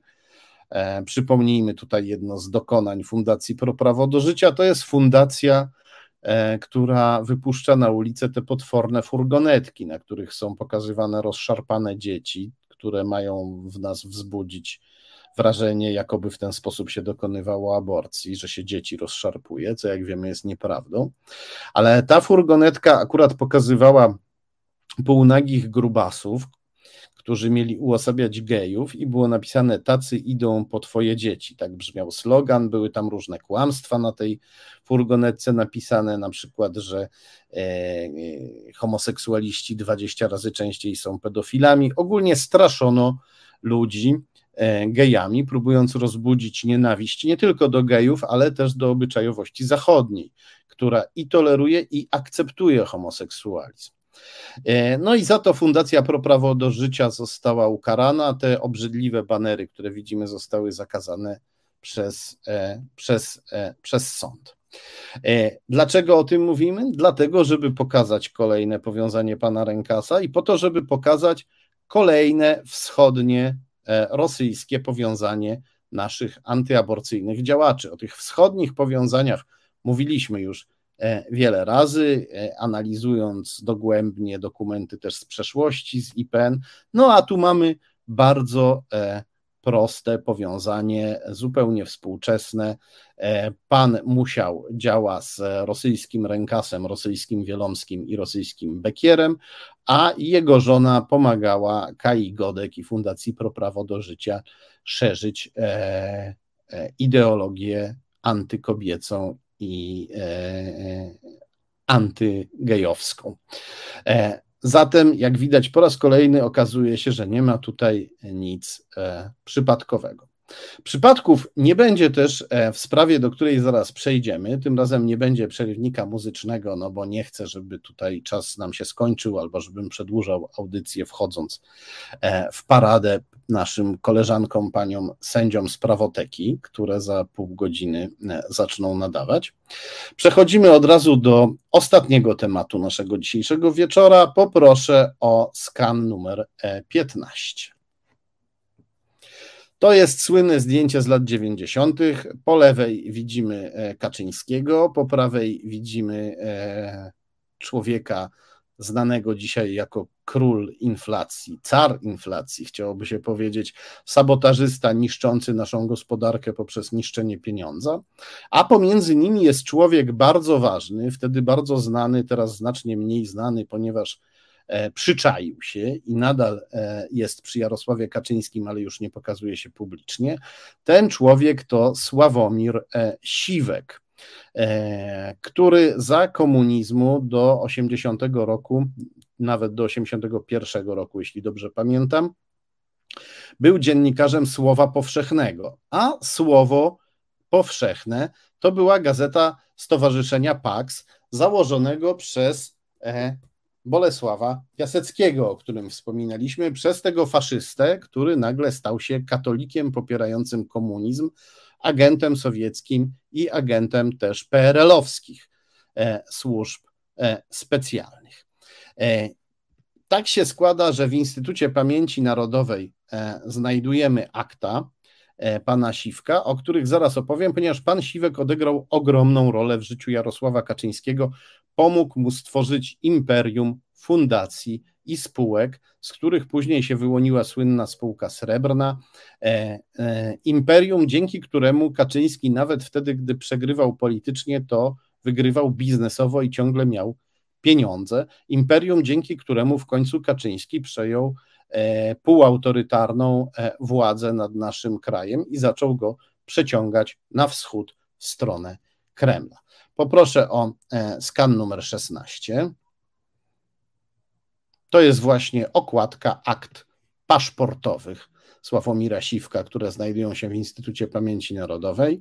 Akta paszportowe bywają źródłem bardzo ciekawych informacji, niekiedy wręcz szokujących, i tak też jest w tym przypadku.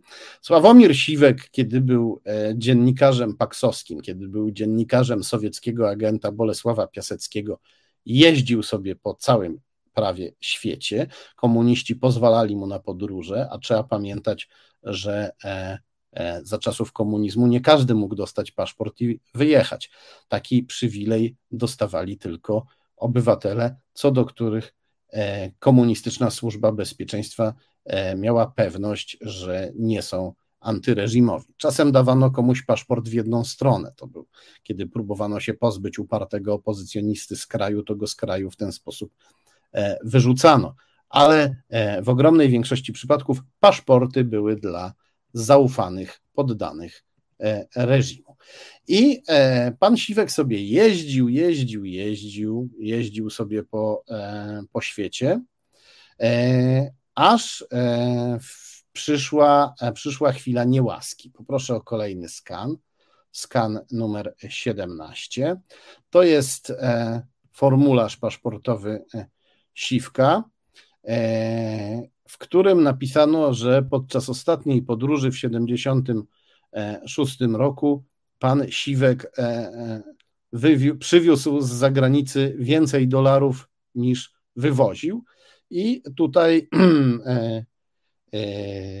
SBczka, funkcjonariuszka z Wydziału Paszportów, która się zajmowała tą sprawą, napisała handlarz. To, to jest właśnie napisane w tej notce odręcznej, którą widzimy obok, e, obok pieczątki. E, no, SBcy e, jako komuniści nie lubili takich e, spryciarzy biznesowych, chyba że mogli się nimi posłużyć. Przez e, e, kilka lat nie dawali Siwkowi paszportu, on strasznie się awanturował. Prosił swoich zwierzchników paksowskich z tego stowarzyszenia katolicko-faszystowskiego, E, esbeckiego, żeby mu e, pomogli, apelował do samego e, ministra, no i w końcu przyszedł czas łaski. Poproszę o kolejny skan, skan numer 18. To jest esbecka notatka, w której czytamy, że Departament czwarty zajmujący się walką z Kościołem E, wnioskuje jednak po paru latach wyrażenie zgody na to, żeby Siwek sobie wyjechał za granicę. A dlaczego to wnioskuje? Mm, skąd taka zmiana stanowiska? Z uwagi na potrzeby operacyjne planowana rozmowa. Takie sformułowanie pojawia się w tej notatce. To znaczy, że SBC ze względu na swoje potrzeby operacyjne. Planowali odbyć rozmowę ze Sławomirem Siwkiem, późniejszym przybocznym Jarosława Kaczyńskiego. Planowali odbyć e, rozmowę, bo liczyli na to, że on im pomoże w tych potrzebach operacyjnych, a i dlatego chcieli go nagrodzić wyjazdem za granicę. A potrzeby operacyjne, jaka miała jakie miała komunistyczna służba bezpieczeństwa, no to było oczywiście e, infiltrowanie różnych środowisk, zwalczanie wrogów reżimu, zdobywanie informacji. Zatem liczono na to, że Siwek stanie się współpracownikiem komunistycznej służby bezpieczeństwa. Poproszę o kolejny skan. E, to jest ta sama notatka, tylko pojawiają się e, na niej dopiski, i wśród tych dopisków jest dopisek na dole, w którym czytamy, że o wynikach rozmowy operacyjnej z e, Siwkiem poinformuje władze towarzysz Huk z Departamentu Czwartego.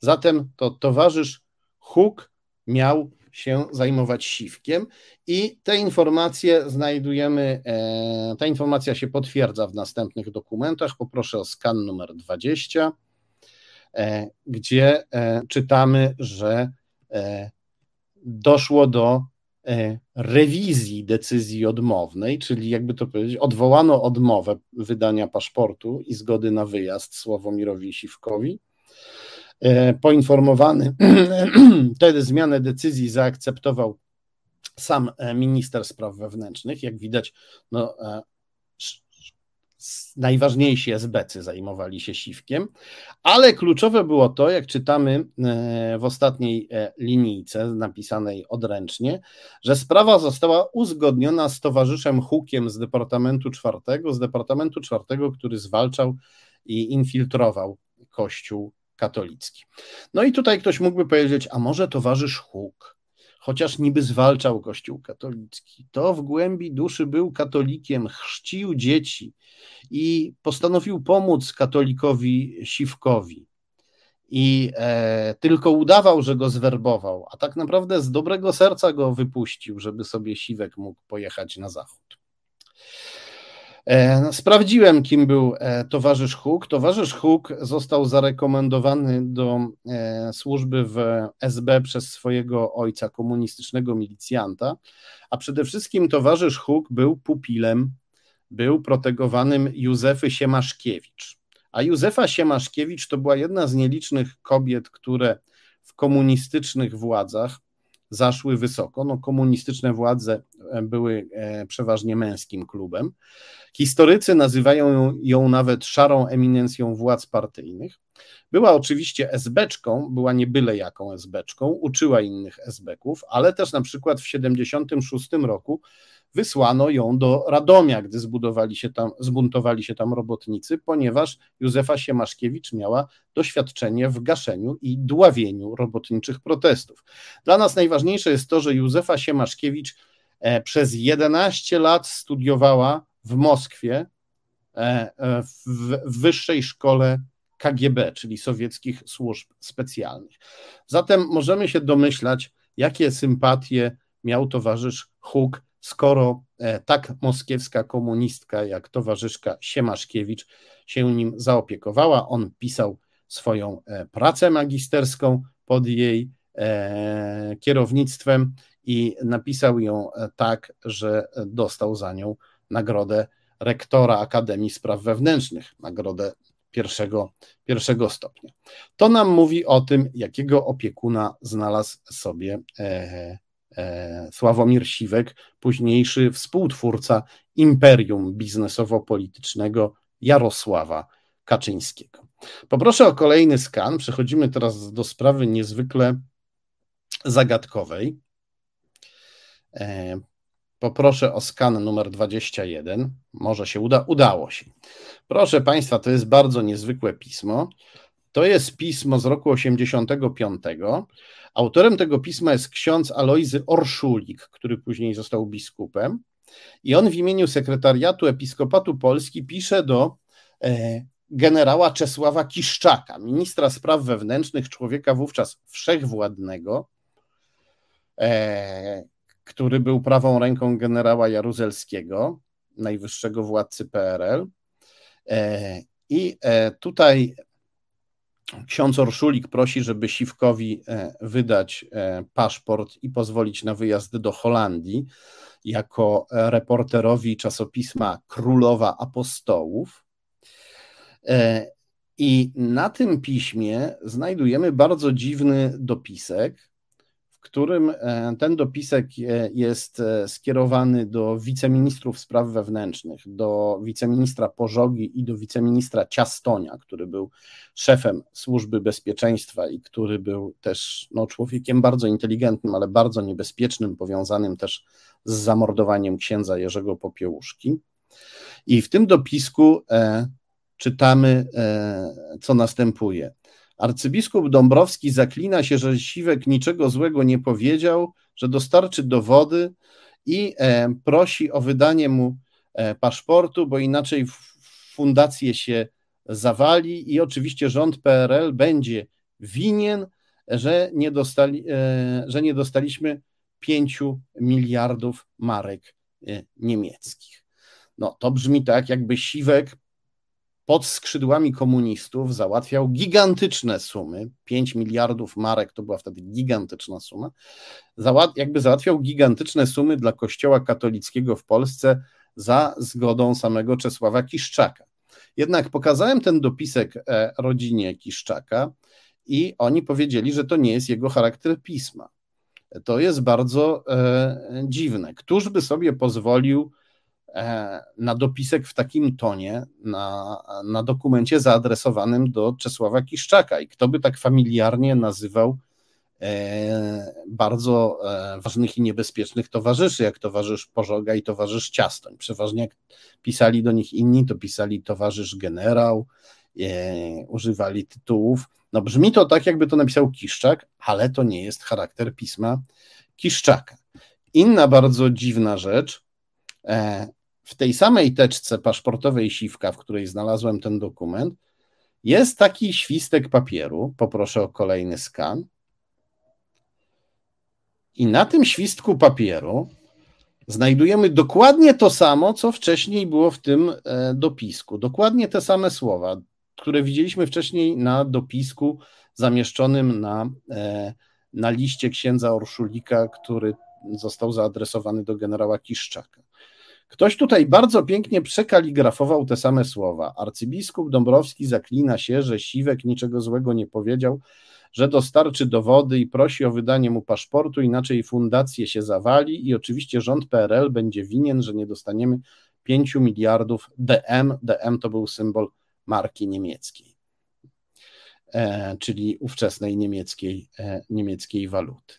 To wygląda bardzo dziwnie. Jakby ktoś bardzo chciał, żeby wszyscy czytelnicy e, teczki siwka się e, dowiedzieli, że e, Siwkowi groziła znowu utrata paszportu, że komuniści chcieli mu ten paszport zabrać i że sam arcybiskup musiał tutaj interweniować, żeby mu pomóc, i że Siwek załatwiał bardzo ważne sprawy, wielkie pieniądze dla Kościoła katolickiego. Mm, no to wygląda dziwnie, bo te, ten dopisek, sądząc po adresatach, był skierowany tylko do dwóch ludzi, do dwóch bardzo ważnych esbeków. I nie wszyscy mieli się wczytywać w te, w te bazgroły, no bo dopisek został na bazgrany. A tutaj ktoś jakby nam przepisuje te bazgroły bardzo pięknym i czytelnym charakterem pisma po to, żebyśmy zrozumieli, że Siwek był ważny i że komuniści jednak wcale go nie lubili, skoro arcybiskup musiał Siwka przed komunistami bronić. Ja tu podejrzewam manipulację. Jeszcze nie do końca wiem jaką, ale pachnie mi to absolutnie manipulacją. No dobrze, przejdźmy do ostatniego protektora Siwka, do ostatniego protektora, którego miał, zanim znalazł sobie Jarosława Kaczyńskiego. Poproszę o kolejny skan. Już mamy kolejny skan. Otóż, proszę Państwa, w 1987 roku Urząd do Spraw Wyznań, instytucja całkowicie komunistyczna, prosi o dość niezwykły przywilej dla Siwka, czyli o to, żeby Siwek mógł trzymać swój e, paszport w domu. E, e, no, w tamtych czasach nawet ci szczęśliwcy, którzy dostali paszport od SB-ków, Zazwyczaj nie mogli go trzymać w domu, mogli go używać tylko podczas podróży zagranicznej, a po powrocie trzeba było go SB-kom oddać. W ten sposób ściślej kontrolowano ludzi. SBcja się upewniała, że na przykład obywatel posiadający paszport nagle i nieoczekiwanie nie wyjedzie z kraju. Tylko jeżeli będzie chciał gdzieś uciec, to i tak będzie musiał przyjść do SB-ków i poprosić o swój paszport. E, tutaj e, SBcy się sprzeciwili temu e, postulatowi, tej prośbie Urzędu do Spraw Wyznań i w końcu stanęło na takim kompromisie, że urząd, że paszport Siwka będzie trzymany e, nie przez SB-ków, tylko będzie przechowywany przez Urząd do Spraw Wyznań, chociaż Urząd do Spraw Wyznań nie miał nawet odpowiednio zabezpieczonego magazynu do przechowywania paszportów. Więc można powiedzieć, że poniekąd Siwek trochę postawił na swoim, zakładając, że w Urzędzie do Spraw Wyznań miał kogoś mu przychylnego. No i miał, ponieważ pod tym e, pismem podpisał się sam e, e, szef Urzędu do Spraw Wyznań, sam dyrektor Edward Kotowski. To on występuje o taki niezwykły wówczas przywilej dla Sławomira Siwka. A w 1988 roku o ten e, przywilej, czyli o to, żeby już nie bawić się w trzymanie paszportu w urzędzie do spraw wyznań, tylko żeby Siwek mógł ten paszport po prostu mieć w domu, z takim wnioskiem występuje sam e, episkopat. Poproszę o kolejny skan. E, to będzie skan numer 24. To jest pismo, w którym sekretariat Episkopatu Polski ponownie prosi o to, żeby Siwek mógł trzymać paszport w domu i pod tym e, e, pismem jest dopisek ręczny, e, że Urząd do Spraw Wyznań nie wyraża zastrzeżeń co do tego, żeby Siwek mógł trzymać paszport w domu. Tam widzimy pod tym dopiskiem jest pieczątka i to jest znowu pieczątka dyrektora Urzędu do Spraw Wyznań Edwarda Kotowskiego. No więc kim jest ten komunista Kotowski, który tak się zasiwkiem wstawia? Poproszę o e, kolejny skan. To jest e, nagłówek artykułu opublikowanego przez magazyn i portal Nasza Historia, gdzie czytamy o Edwardzie Kotowskim. Widzimy go tutaj, jak ściska e, rękę papieża Jana Pawła II i no jak to się stało, że komunistyczny dyrektor Urzędu do Spraw Wyznań ściskał rękę papieża? No odpowiedź jest bardzo prosta. E, nagłówek artykułu mówi, że w świecie tajnych służb Edward Kotowski jest dobrze znany. E, mówi e, nam ten nagłówek, że Edward Kotowski, protektor Siwka, był rezydentem komunistycznego wywiadu PRL w Watykanie i właśnie w tym charakterze ściskał dłoń papieża Jana Pawła II. Poproszę o kolejny skan. To będą dwa fragmenty tego samego artykułu z portalu Nasza Historia. Czytamy tutaj, że e, Kotowski miał szerokie kontakty z polskimi duchownymi pracującymi w Rzymie, między innymi z księdzem Konradem Hejmo, dominikaninem, który był e, agentem komunistycznej służby bezpieczeństwa działającym przy papieżu. I czytamy też, że ci watykańscy rozmówcy Kotowskiego nie wiedzieli, że on jest kadrowym oficerem polskiego wywiadu, bo on tam występował pod tak zwaną przykrywką dyplomatyczną jako e, sekretarz e, ambasady polskiej. I e, jako dyplomata spotykał się z papieżem i z innymi, i z innymi duchownymi watykańskimi, a tak naprawdę szpiegował ich i na nich donosił i prawdopodobnie też przy pomocy różnych intryg próbował ich e, omotać. No i e, e, pan Kotowski, protektor Siwka, odnosi, e, odnosi sukces. Poproszę o kolejny skan, skan numer 27. Widzimy kolejne nabazgrane pisemko, w którym czytamy, że e, Departament Czwarty zwalczający e, zwalczający Kościół katolicki nie e, widzi przeszkód w żadnych przeszkód i pozwala faworyzować Sławomira, Sławomira Siwka. Sławomir Siwek Na początku lat 90., tak jak mówiliśmy, występował z Jarosławem Kaczyńskim E, stał się e, tym człowiekiem, który wprowadził Kaczyńskiego na salony biskupów i Kościół katolicki zaczął Kaczyńskiego w ten sposób popierać. E, był też łącznikiem między Kaczyńskim a Stowarzyszeniem PAX założonym przez sowieckiego agenta Bolesława Piaseckiego. Potem Siwek przycichł, między nim a Kaczyńskim były spory. E, ale w końcu się panowie jakoś ugodzili. E, no, jak wiadomo, gdzie są pieniądze, tam są spory, ale w końcu panowie jakoś doszli do porozumienia. W 2006 Kaczyński zrobił Siwka swoim e, człowiekiem w zarządzie telewizji publicznej. Obecnie Siwek zasiada w Radzie Fundacji Solidarna Wieś. Poproszę o kolejny skan, skan numer 28. Tutaj widzimy, że e, Siwek jest w Radzie Fundacji Solidarna Wieś, a razem z nim w tej Radzie zasiada Katarzyna e, Maria Pasoń. Poproszę o kolejny skan z serwisu rejestr IO opartego na Krajowym Rejestrze Sądowym. Widzimy tutaj, że Katarzyna Maria e, Pasoń Zasiada nie tylko w Radzie Fundacji Solidarna Wieś, zasiadała też w spółce, w Radzie Nadzorczej spółki Interpoligrafia, związanej z imperium biznesowym Jarosława Kaczyńskiego. W tej spółce był też Sławomir Siwek.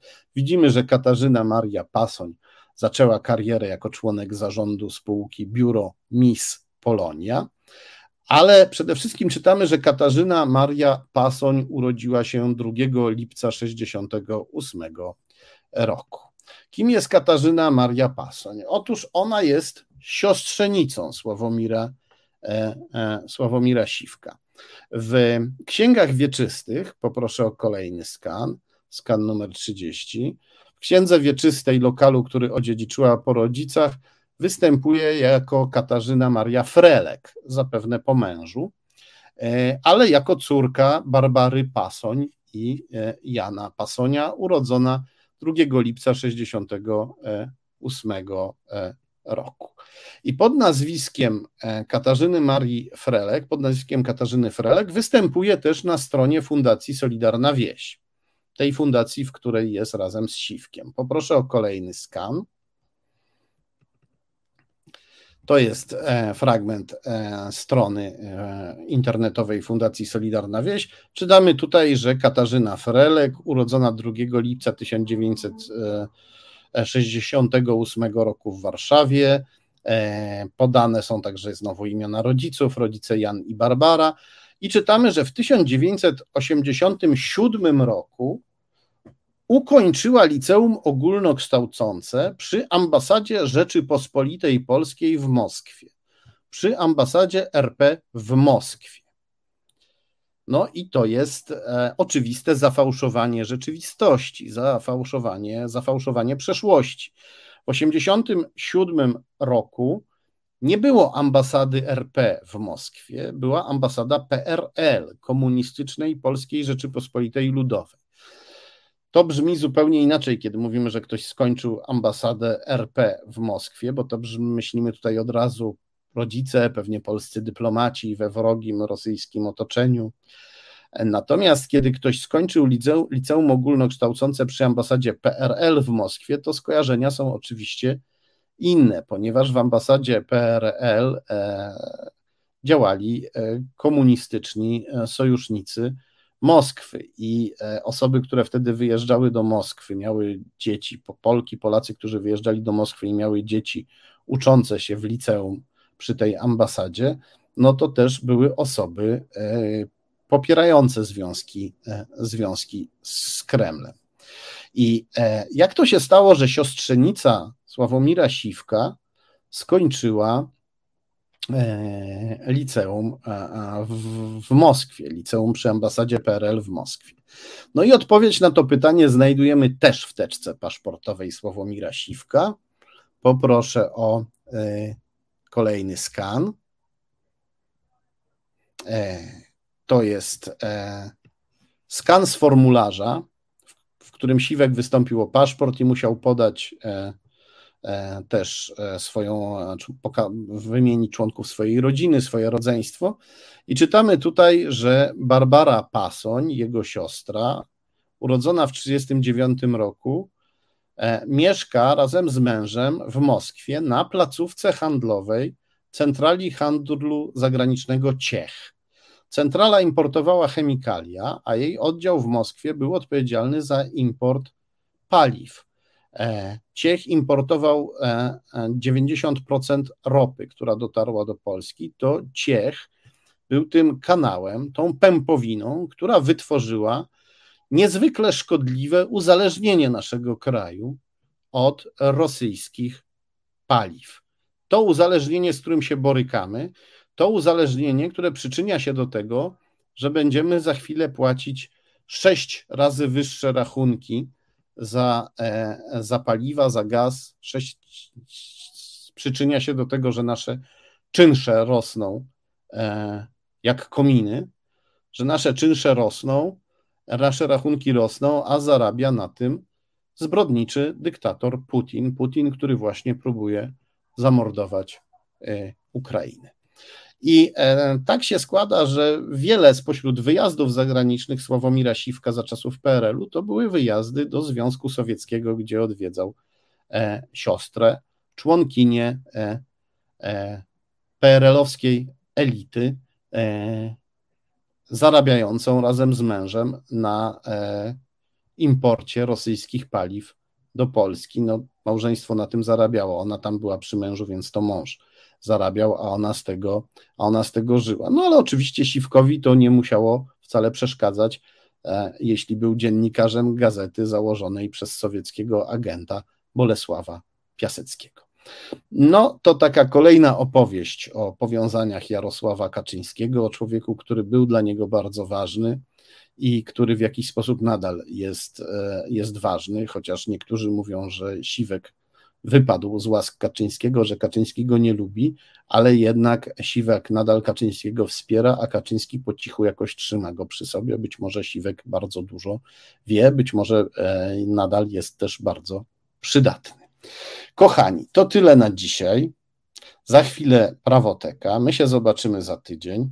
Przypominam o łapkach. Bardzo dziękuję za każdego lajka. To e, dzięki nim więcej osób zobaczy tę transmisję. Dziękuję za udostępnianie tej transmisji.